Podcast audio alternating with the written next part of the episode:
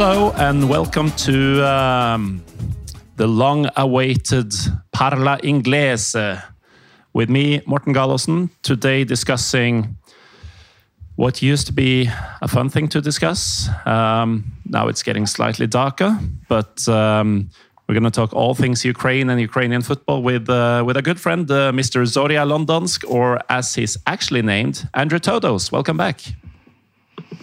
Hi, Morten. Thanks for having me. Uh, yeah, I mean, the last time we spoke, well over a year and a half ago, plus during the old COVID times. Mm. Now, completely different scenario um, going on. Slightly less positive, of course, but nonetheless, as is football, um, it goes on you can say, and it has been going on. So yeah, plenty to discuss since the last time we spoke. Really, it has been going on. I mean, uh, the last time was um, ahead of the Euros 2021. Ukraine were qualified; they were looking good. I was, uh, I actually had them as, uh, I had picked them as as winners of their group, uh, which included you know, you know the Netherlands and several tough teams. Uh, it didn't quite work out like that, but they did advance. So, I mean, it was a good side. You were optimistic. You were feeling good about your Ukrainian roots, and um, yeah, good championship altogether. And uh, since then, obviously, you kind of miss COVID, right? The way things have turned out in 2022.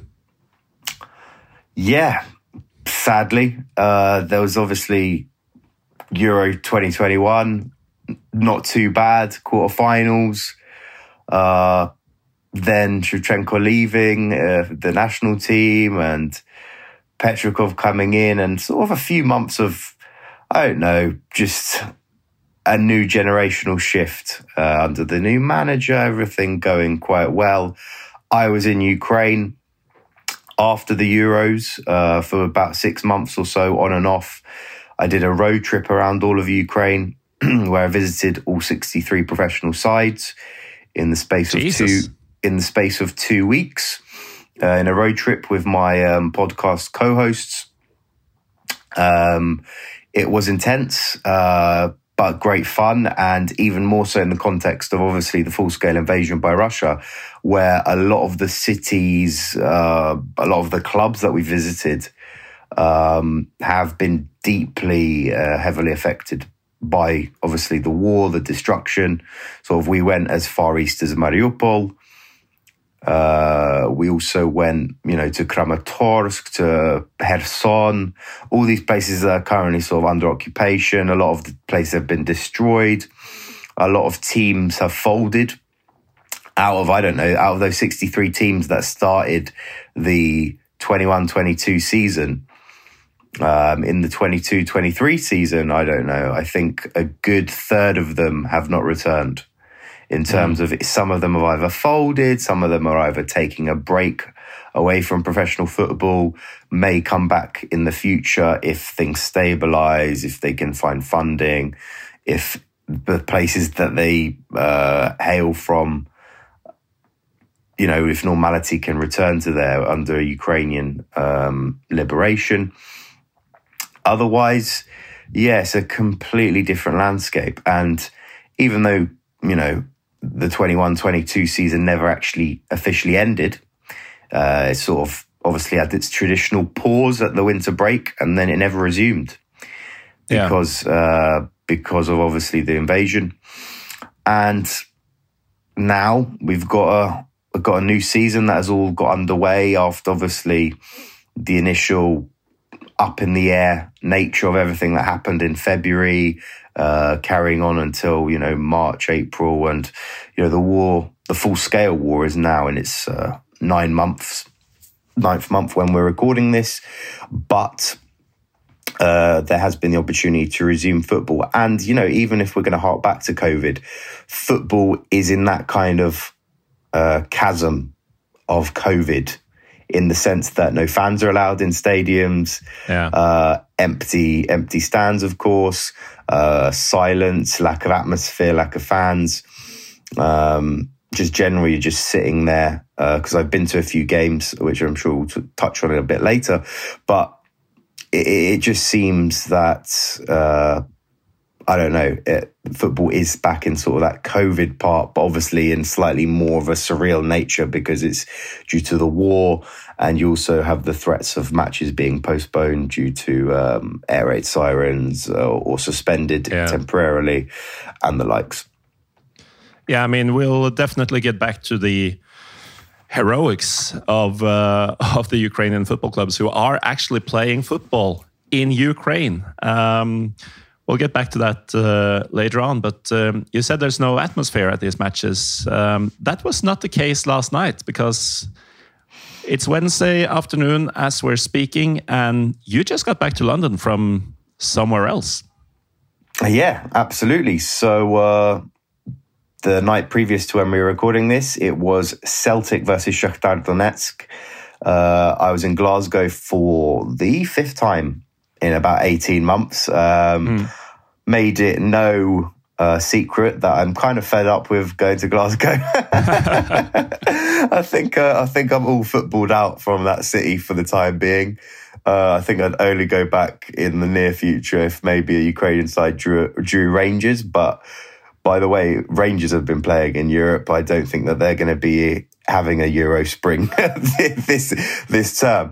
So um, yeah, hopefully a little bit of a break from from football in Glasgow for a while. But yeah, the match was uh, as is always uh, at, on a Champions League night at Parkhead. Honestly, Celtic fans know how to how to make an atmosphere electric.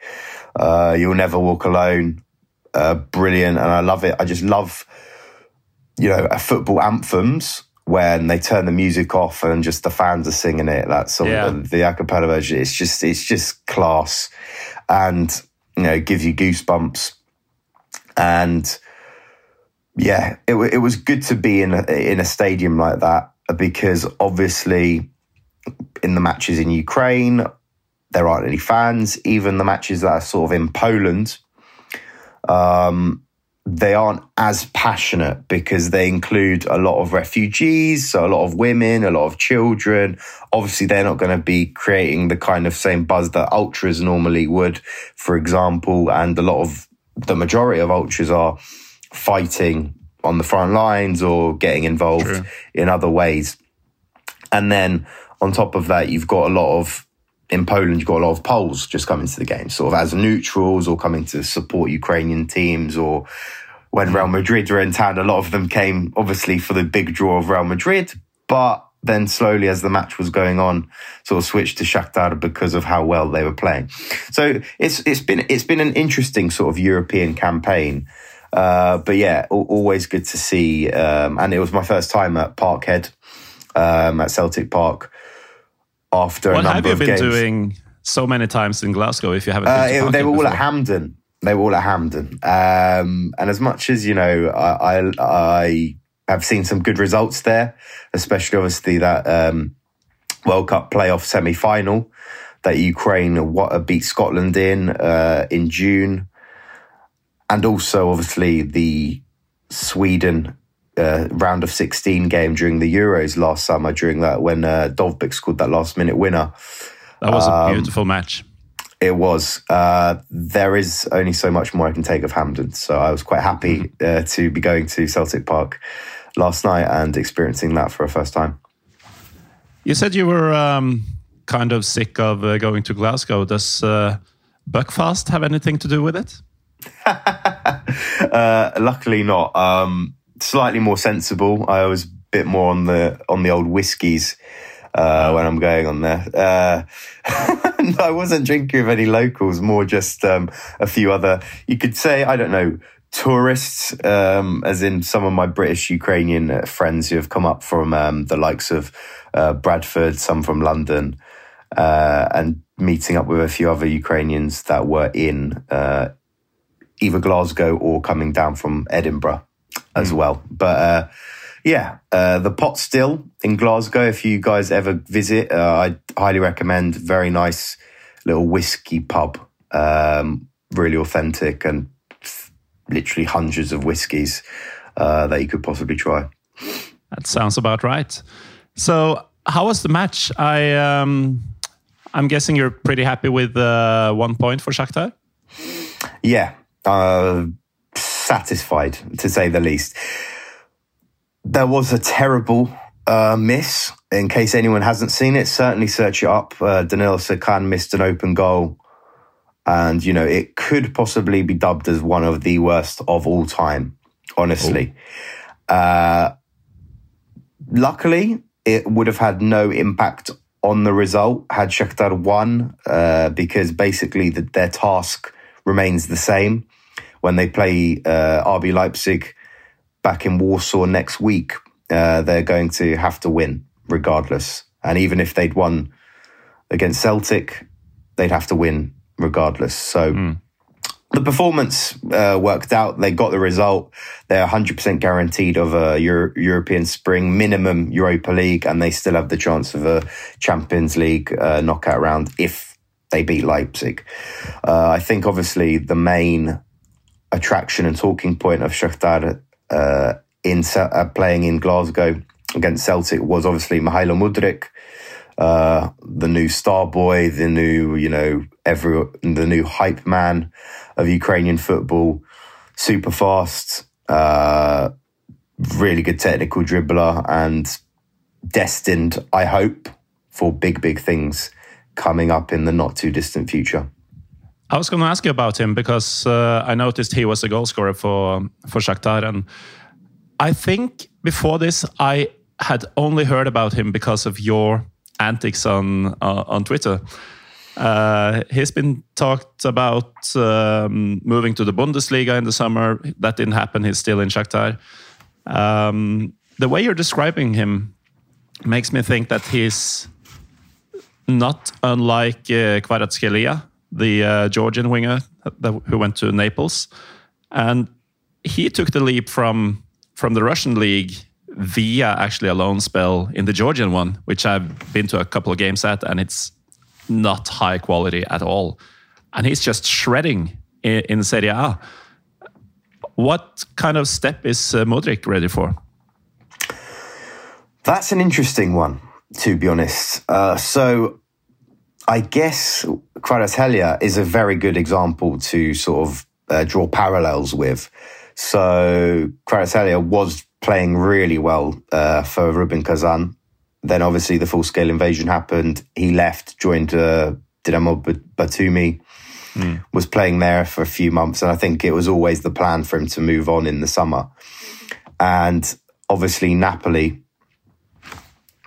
came in and got quite a bargain for him for 10 million. The difference yeah. with Mudryk is, uh, I guess, the difference in clubs between Dinamo Batumi and, um, well, Shakhtar Donetsk because Shakhtar are well known for their transfer out outgoings. You know, they mm. never shy on a big transfer fee, and especially with this summer where they lost all of their Brazilians that were in the team, mostly for free.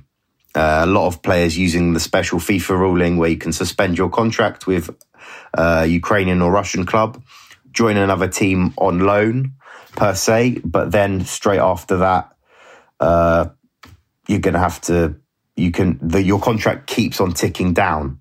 So essentially, after the year suspended contract, you can come back to your side and you've got one year or six months left on your contract at Shakhtar.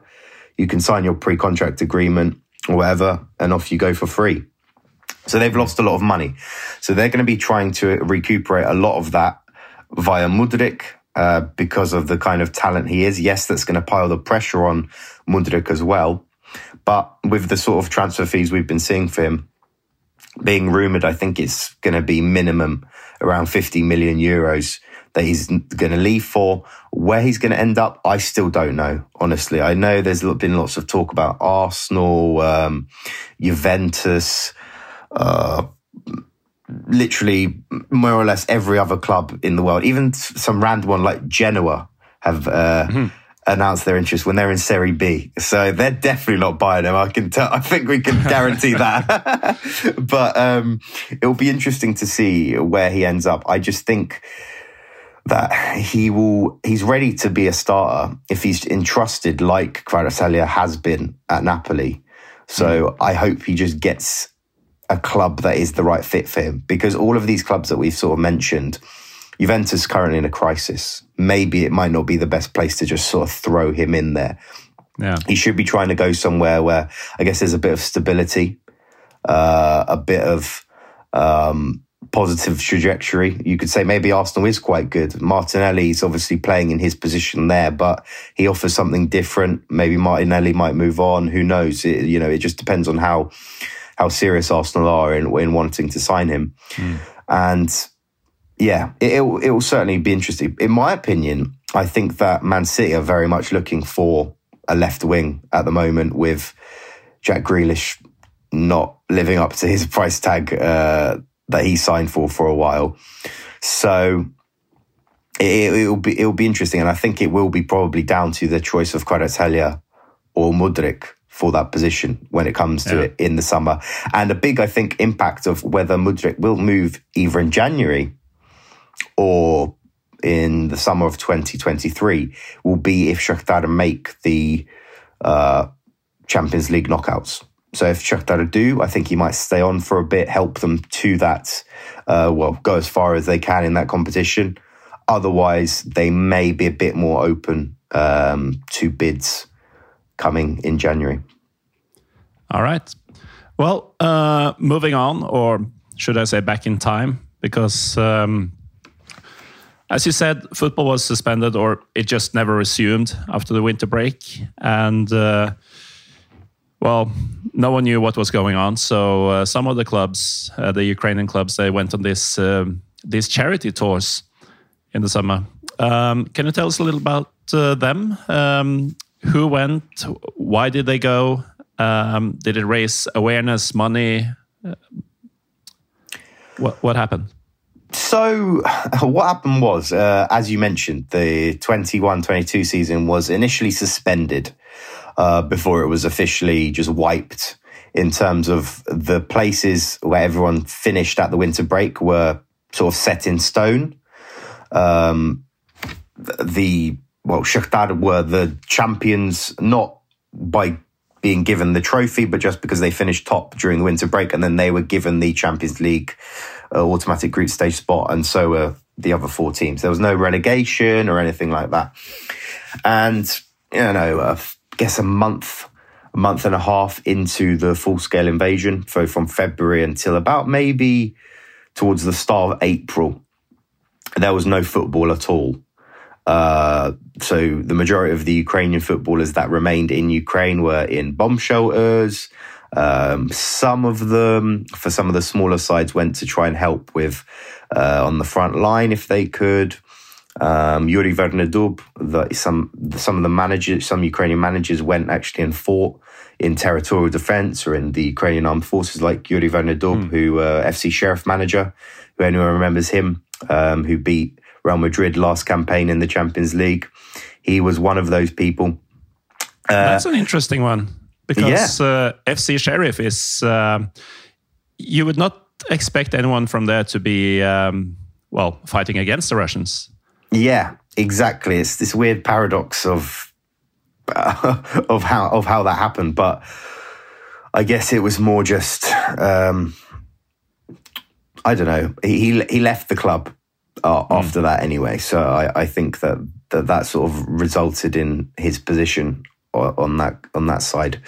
Uh, because a lot of people have changed categorically. Maybe you could say people were sitting on the fence prior to uh, the 24th of February uh, 2022, where they maybe didn't want to mention the war too much. Uh, that was going on in, you know, uh, the Donbass uh, with the Crimea annexation as well, the occupation there. And it wasn't until sort of February where finally everyone had to pick a side, really, yeah. Uh, and be, you know, vocally either you're pro Ukrainian or if you're not, then you're definitely pro Russian. So it's one of those things. There's no grey area in these things anymore, and um, it's been quite refreshing to see a lot of footballers have these sort of now pro Ukrainian positions and whatnot. Mm. So after that month and a half where people were in the bomb shelters, where they couldn't leave Ukraine because men aged 18 to 60 aren't allowed to leave Ukraine because they might be available to fight as a reservist or you know help out in some other way in the war, and just the general martial law uh, ruling. Uh, after about a month and a half, the players um, were given special permission from Shakhtar and Dynamo Kiev uh, to go on these charity tours. For the most part, it was obviously to raise some charity funds uh, for humanitarian efforts for Ukraine um, in these matches. So, for example, Dynamo Kiev played Borussia Dortmund. Uh, Shakhtar played. Uh, they played Ajax. They played Galatasaray. Um, Dynamo played. Uh, I think a few matches against Olympic Lyon. Then they were playing some matches in Switzerland, uh, Romania, against Legia Warsaw. So like literally all over, all over mm. Europe, really, just anywhere where there might be a bit of support and just to raise the, I guess, message of what's happening in Ukraine as well.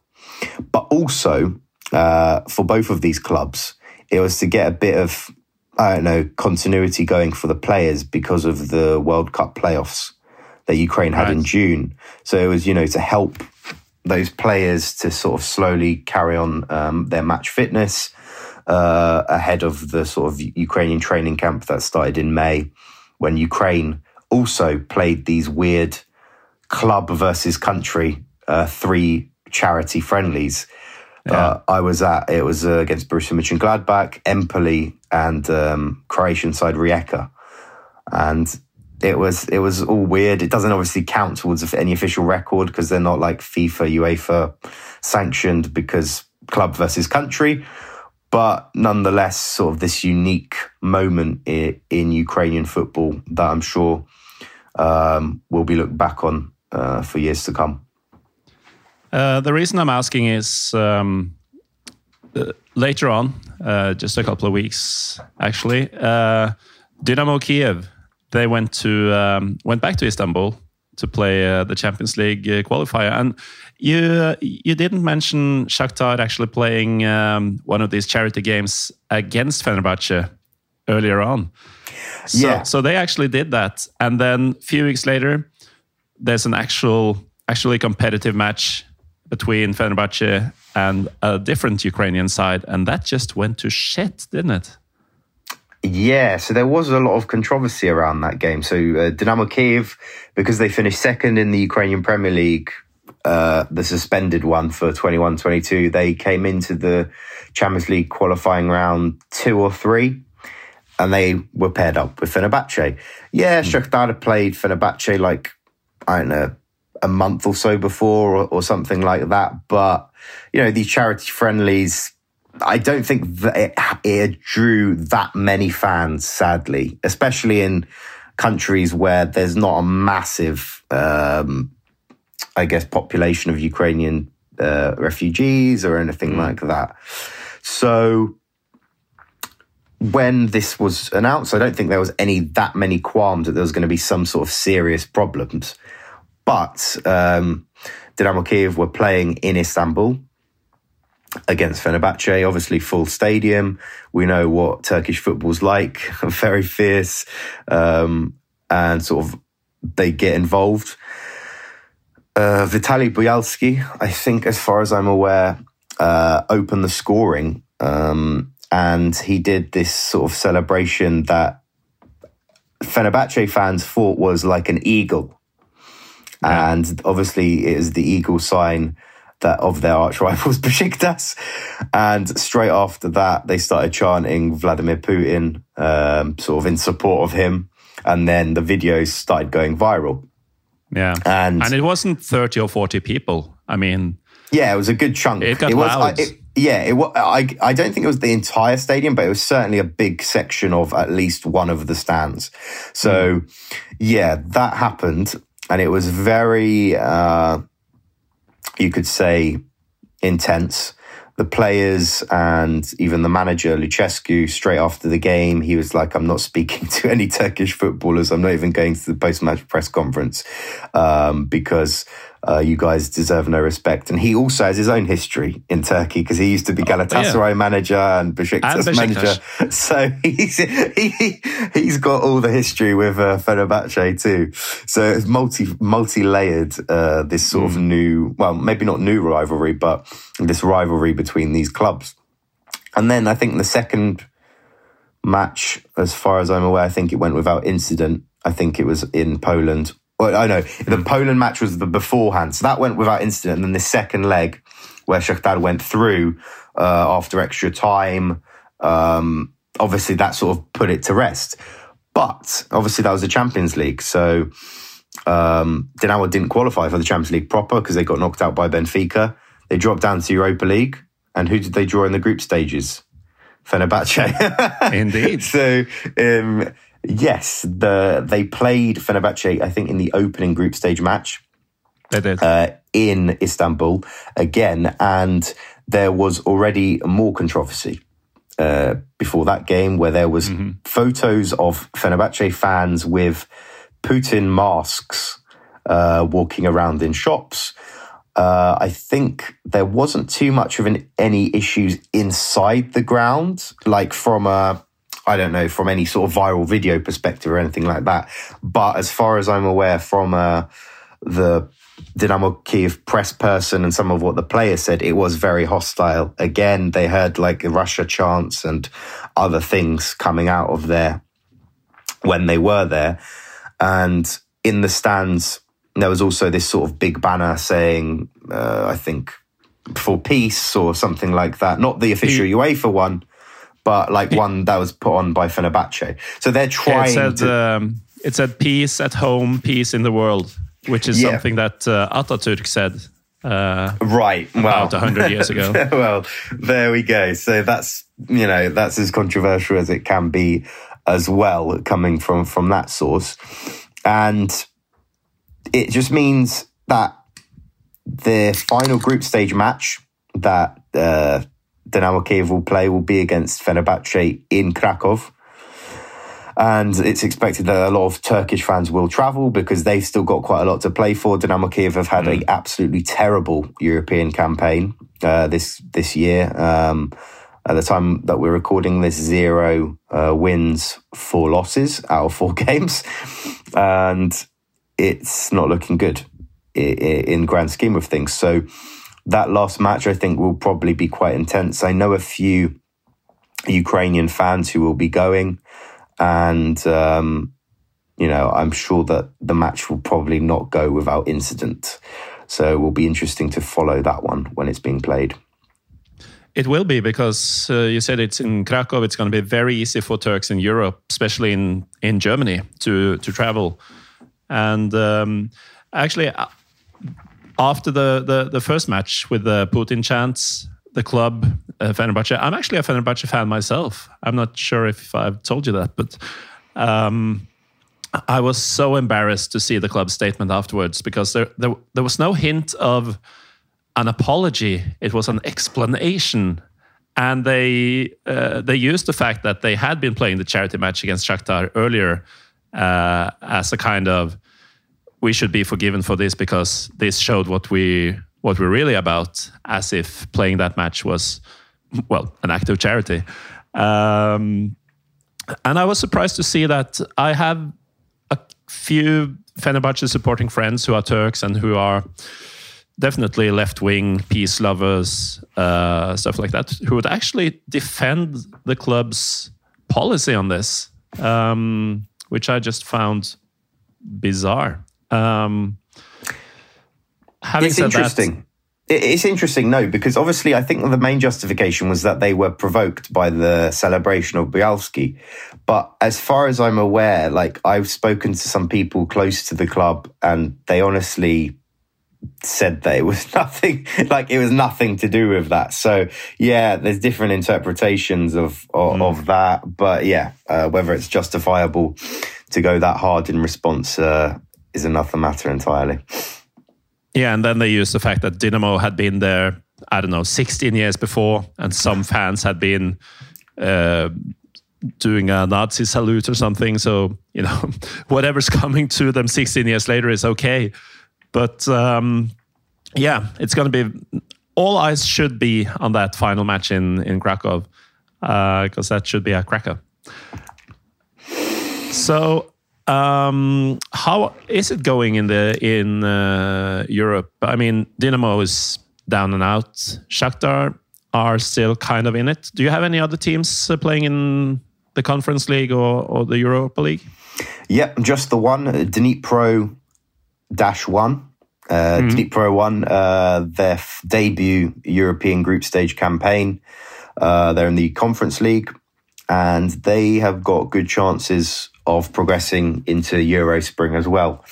After, albeit quite um, a couple of struggling matches against good old Liechtenstein's Vaduz, uh, mm. where they ended up drawing one game against them and then getting a last minute winner against them in the other. So they're sort of in prime position as long as they can get a positive result against um, Cyprus Apollon. Then I think that we could expect two sides in um, spring European competitions, which will be good for Ukrainian coefficient because it's been on the slide in recent seasons. And, you know, the perpetual um, downward spiral that if you don't qualify or you start playing terribly mm. more consistently, then it's even more difficult to get that automatic spot back. And especially in the current scenario where Ukrainian football is in, you know, it, it could get even worse before it gets any better. Yeah, I mean, you kind of have to expect that, right? Yeah, absolutely. I mean, even after, for example, 2014, when Russia first started invading eastern Ukraine and uh, Crimea, there was a lull in Ukrainian football for sure, because that was like, for many people, the peak of Ukrainian football 2012 to 2014, when, uh, you know, for the four powerhouses, Dynamo, Shakhtar, Metalist, Dnipro, were, you know, performing in Euro- Europe every single season. Mm. And then two of those clubs folded. One of them is back in a sort of slightly limited form. Uh, Dnipro 1 is not a successor of Dnipro. Uh, for anyone listening, uh, Dnipro, FC Dnipro Ultras despise Dnipro 1 because of um, the fact that their club was, you know, of, of, of about 100 years history, was just mm. left in the gutter by the previous owner due to unpaid debts to the likes of Juande Ramos, who was the manager back in the early 2010s. Right. And then this club um, sort of got money of the assets that FC Dnipro had. So their training ground, a lot of their players, a lot of their staff, uh, the stadium that they played at. And there's even the alleged, the alleged uh, rumors that the owner of the FC Dnipro is secretly bankrolling FC Dnipro One, but he can't be seen in a f- official capacity, of course because that would mean that the debts transfer to this club and then they'd have to pay them mm. and all this other stuff. So officially, legally, Dnipro 1 has nothing to do with FC Dnipro and the Ultras would like it to stay that way as far as, far as they're concerned. Um, but yeah, it'll be interesting to see. Uh, for the time being, from a sort of purely neutral perspective, it's good to see that a Ukrainian club is doing well from that perspective in the Conference League, just getting a bit more coefficient points for Ukraine um, mm. as the season goes on.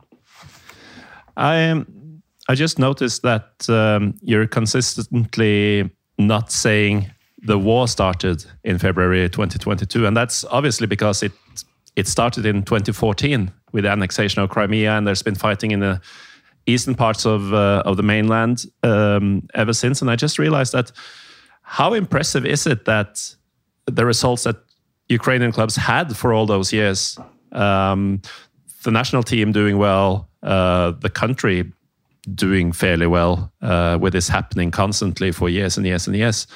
And I, it just hit me now that the world actually, I mean, there's a lot of controversy ahead of the uh, World Cup in Qatar, the world actually let Russia host the previous one while actually being engaged in a war on European soil.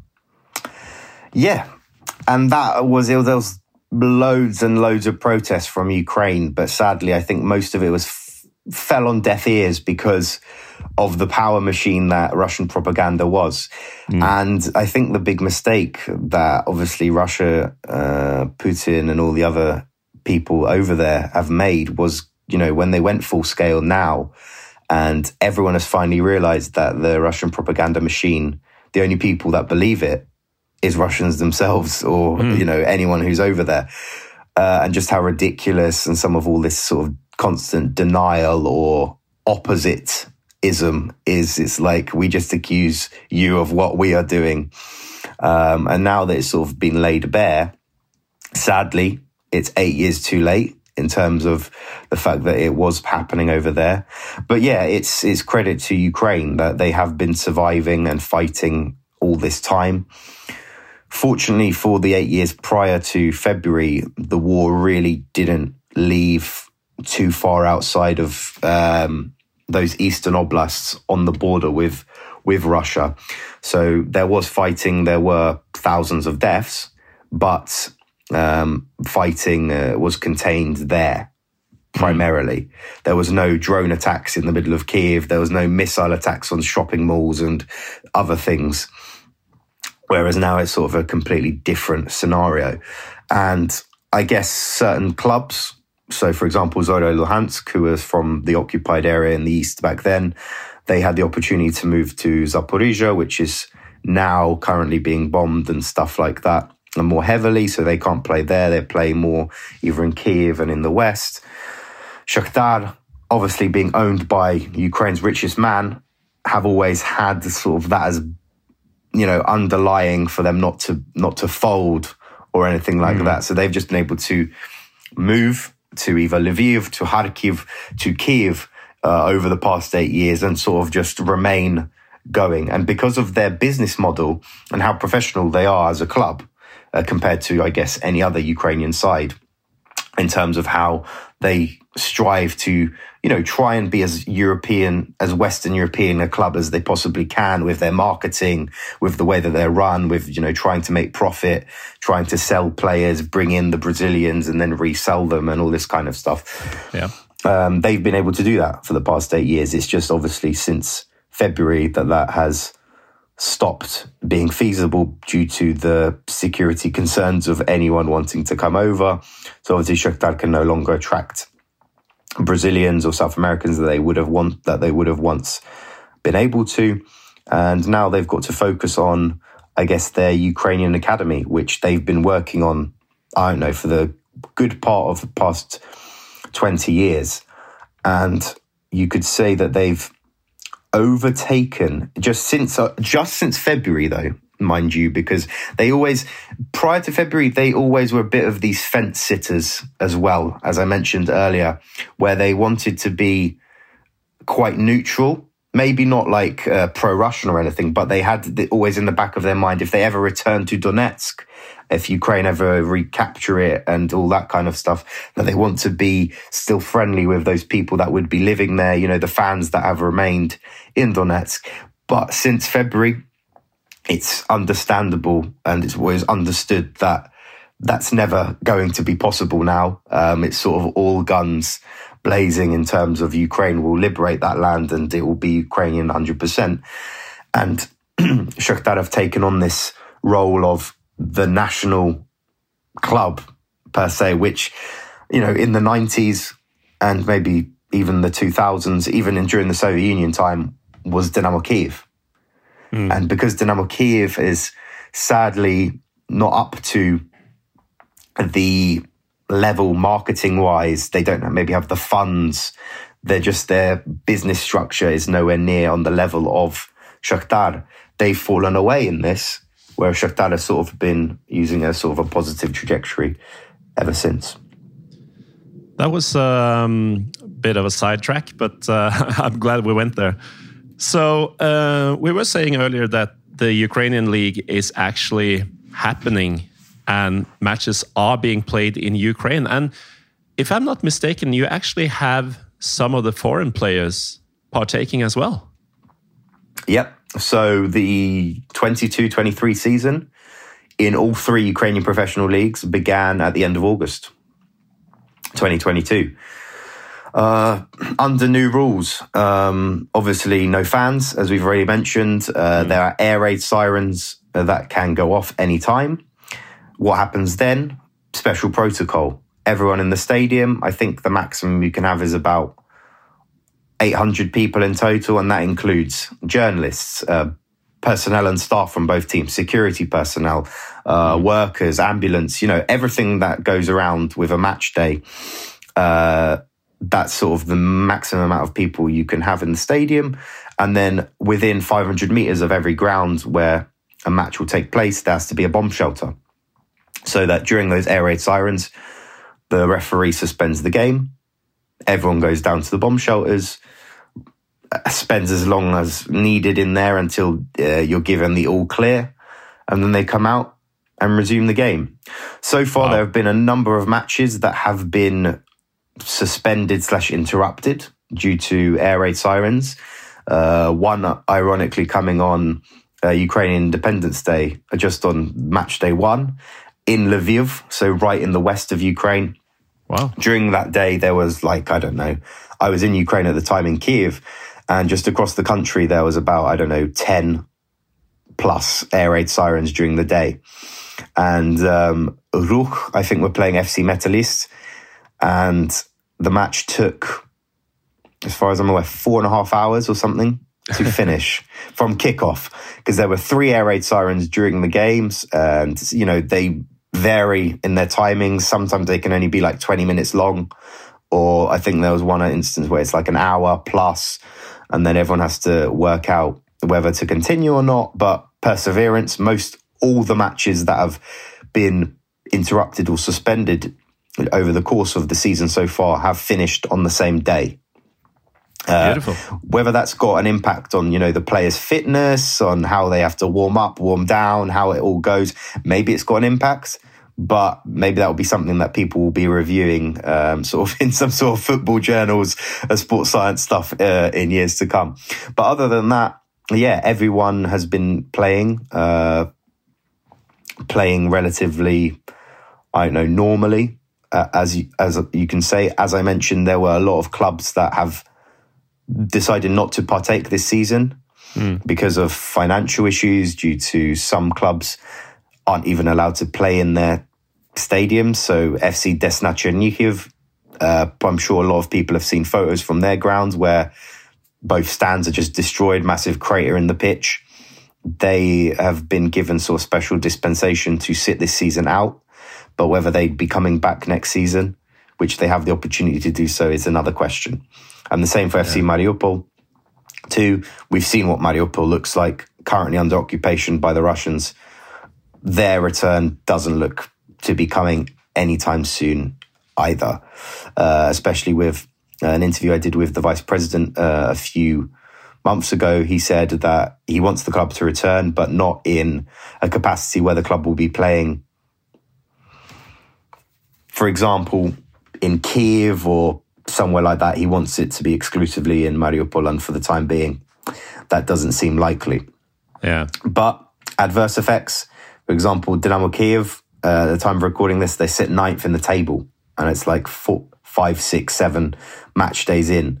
So they've been really underperforming, not just in Europe. And uh, Mircea Lucescu, the manager, has been using all the excuses of, oh, we travel every three days because we have to go to European games and then we're sort of not in one place at one time. But then there's also the counter argument, how are Dnipro 1 and Shakhtar performing so well? So it's just these uh, toss-ups of what's going on. There's just maybe this shift of the guard. We've seen it in a lot of different countries where some of these old giant greats just fade away because of Yeah. bad management, bad ownership, which uh, Dynamo Kiev have- certainly does have at this moment in time. And we'll see, but we possibly could have a first ever non Shakhtar or Dynamo Kiev winner of the Ukrainian Premier League, other than Tavria Simferopol from Crimea, who won the 1992 version of Ukrainian Premier League.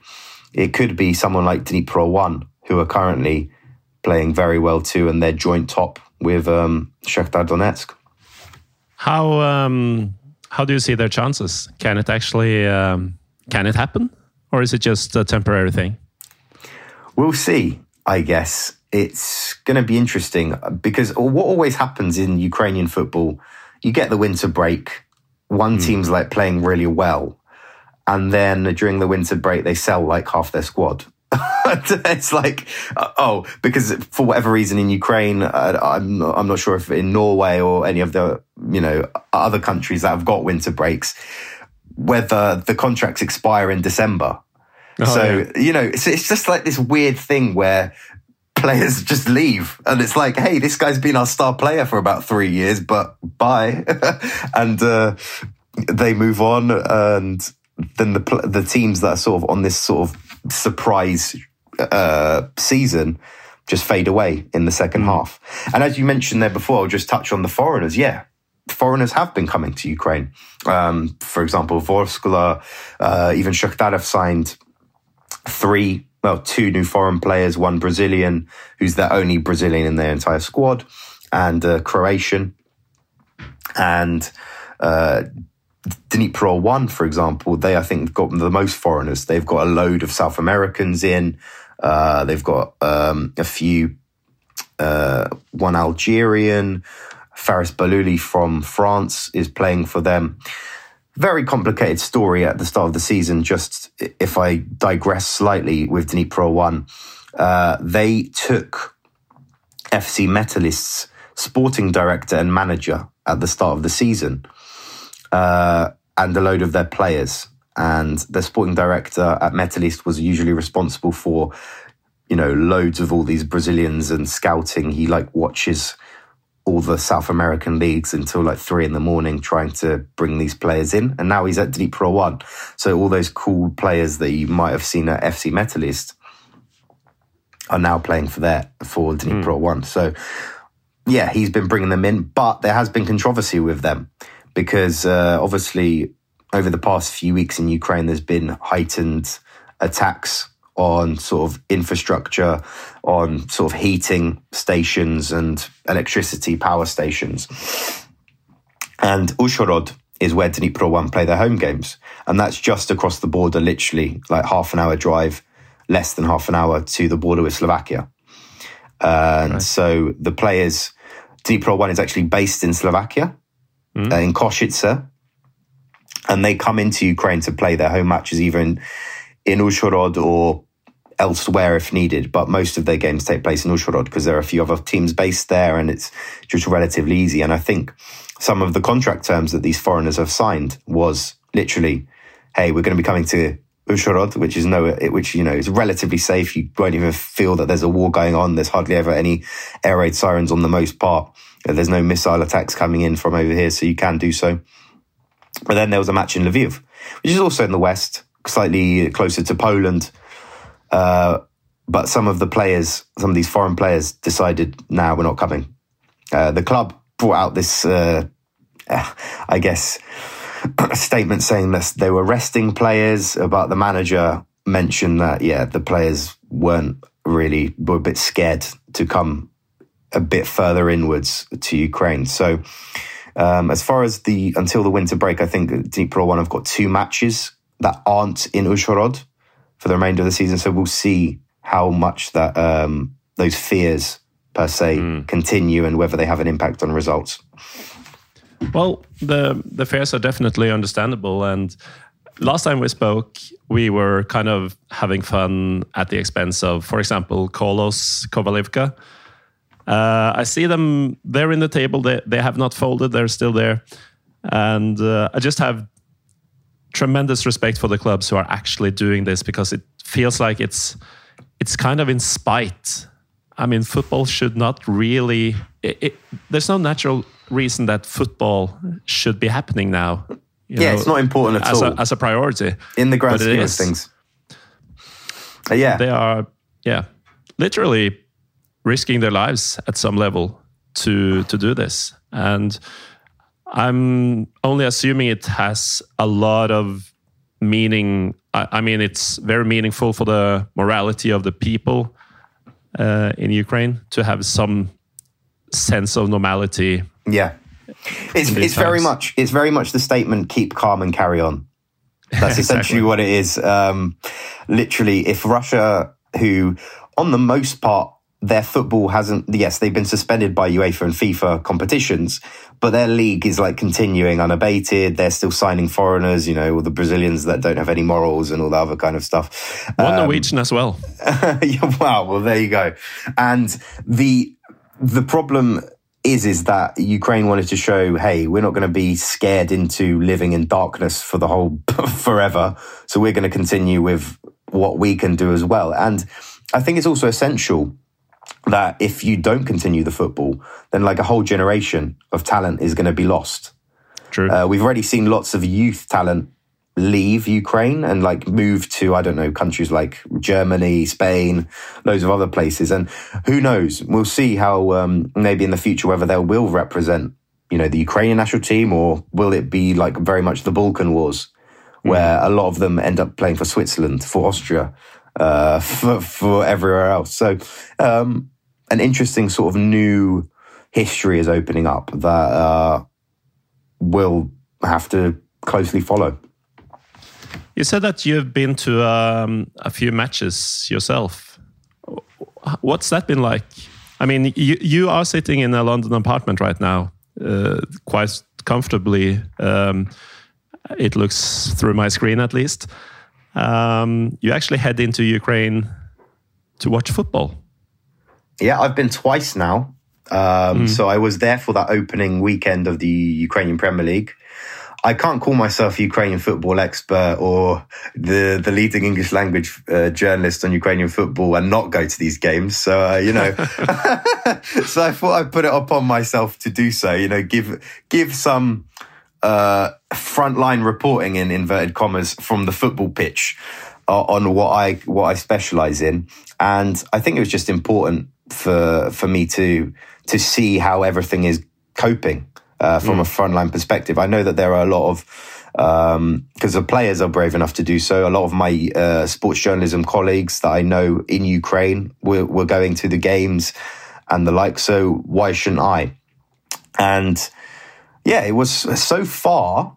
So far, I have not experienced uh, an air raid siren during a game that I've been at, and I've been at about six or seven so hmm. far. Mm. So it somehow worked out for me. And on the whole, it is relatively rare that they happen. I don't, I don't know. They've been about, I don't know, maybe 10 or so matches uh, during the league where it's been, you know, properly affected.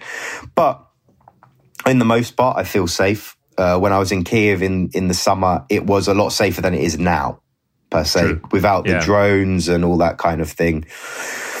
so it's a slightly different story. Uh, I've been to Uzhhorod uh, not about two weeks ago, and that was like you just go there, and it's literally like you you don't even sense the war is going on. Uh, really, people going about their daily lives, and it's it's relatively safe because of the close proximity it is to Hungary and Slovakia. Um, I don't think that Russia would want to threaten that that close to to some even some of their allies, you could say. Um, exactly. So it, will be interesting to see how it progresses. Uh, I'm planning on maybe going once more to Ukraine before the end of the year because uh, the big game, Dnipro one against Shakhtar, it's like the top two will be taking place. So I'll see how that goes. Um, but yeah, uh, it's going to be the longer it goes into winter, I guess, the harder it will all be. But um, I remain positive and an optimist as always. Um, a lot of sort of footballing colleagues who from the West who want to go over sort of have sort of their doubts. They're slightly skeptical. Yeah, mm. I've got my own sort of fears and qualms, but you know, just continuing. But it's maybe because it's a bit more familiar for me um, than maybe for them, and I understand fully sort of publication security teams, etc., being extra cautious. Whereas I'm just a freelancer and I don't have I don't have a security team giving giving me advice. But um, yeah, uh, you know, it, it's been it's been good so far from to see that the Ukrainian Premier League is continuing the lower leagues as well, and hopefully it this season does get to finish. Yeah, we can only hope, and uh, apparently the um, Ukrainian clubs and the Ukrainian people are doing what they can to to make that happen. Uh, with you in the audience uh, sometimes. Uh, I, I like the logic that you don't have a security team, so you can go. yeah, well, no one's telling me no. exactly. Other than my parents and uh, you know close friends, but you know, I, even they've they're like, yeah, go on then if if, yeah. if you want to uh, enjoy it. it's only a war. Exactly. so, um, finishing up, Andrew, what can people who are listening to this, uh, the general public, what can they do to help? So, I mean, there are there are a number of um, cool humanitarian projects that are currently going on. I'd probably uh, recommend not sort of donating to the big bucks like Amnesty, who have been yeah. quite poor in their responses on this war so far.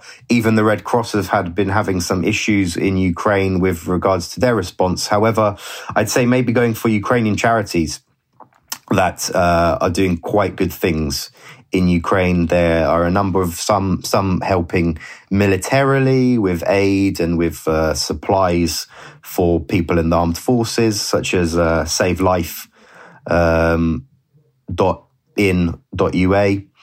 Uh, there's also the Serhii Prytula Charity Foundation that has been doing some good stuff, in particular, their Nest project. So if anyone's on Twitter or anything like that, you can just type in um, Nest uh, underscore home underscore UA. And that's currently a project of these sort of mobile homes.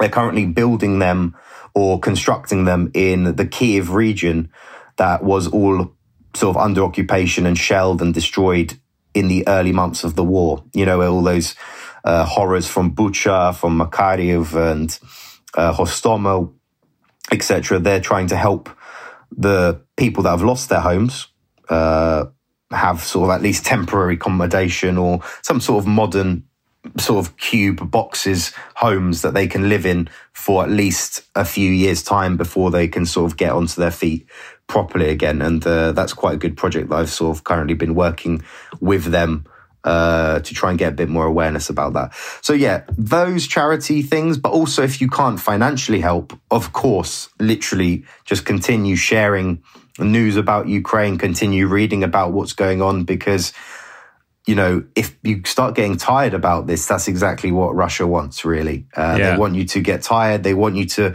start pushing the narratives of having a peace deal. But you can't really have a peace deal with uh, a murdering dictatorship because if they get away with this, then there's no guarantee, and certainly there isn't uh, any sort of qualms that they will not continue to do even worse things in the future. So, yeah, if you read anything, continue to support Ukraine, you know, from the most sort of passive ways that you possibly can with a Ukrainian ribbon uh, on your on your coat or something like that. It all helps and it just keeps on raising the awareness that the war continues unabated, sadly. And um, until Ukraine gets more support from the Western allies in terms of weapons, um, this probably will be continuing for a while longer, sadly. True, but anyway, I'm um, I'm thinking I'll I'll get some um, links from you and I'll share them uh, on the Twitter account for Pyro Pivo. This podcast, uh, for those who don't know what they're listening to. uh, anyway, Andrew, uh, thanks a lot for um, for being on the on the podcast once again. I'm sure we haven't heard the last from you. It's been great fun, uh, as always, Morten. I love talking uh, about Ukraine and Ukrainian football. And fingers crossed for more positive um, news and a positive meeting the next time we speak. yeah, hopefully. Uh, in the meantime, to uh, to you, Andrew, and to everyone listening, Slava Ukraini. Heroiam Slava.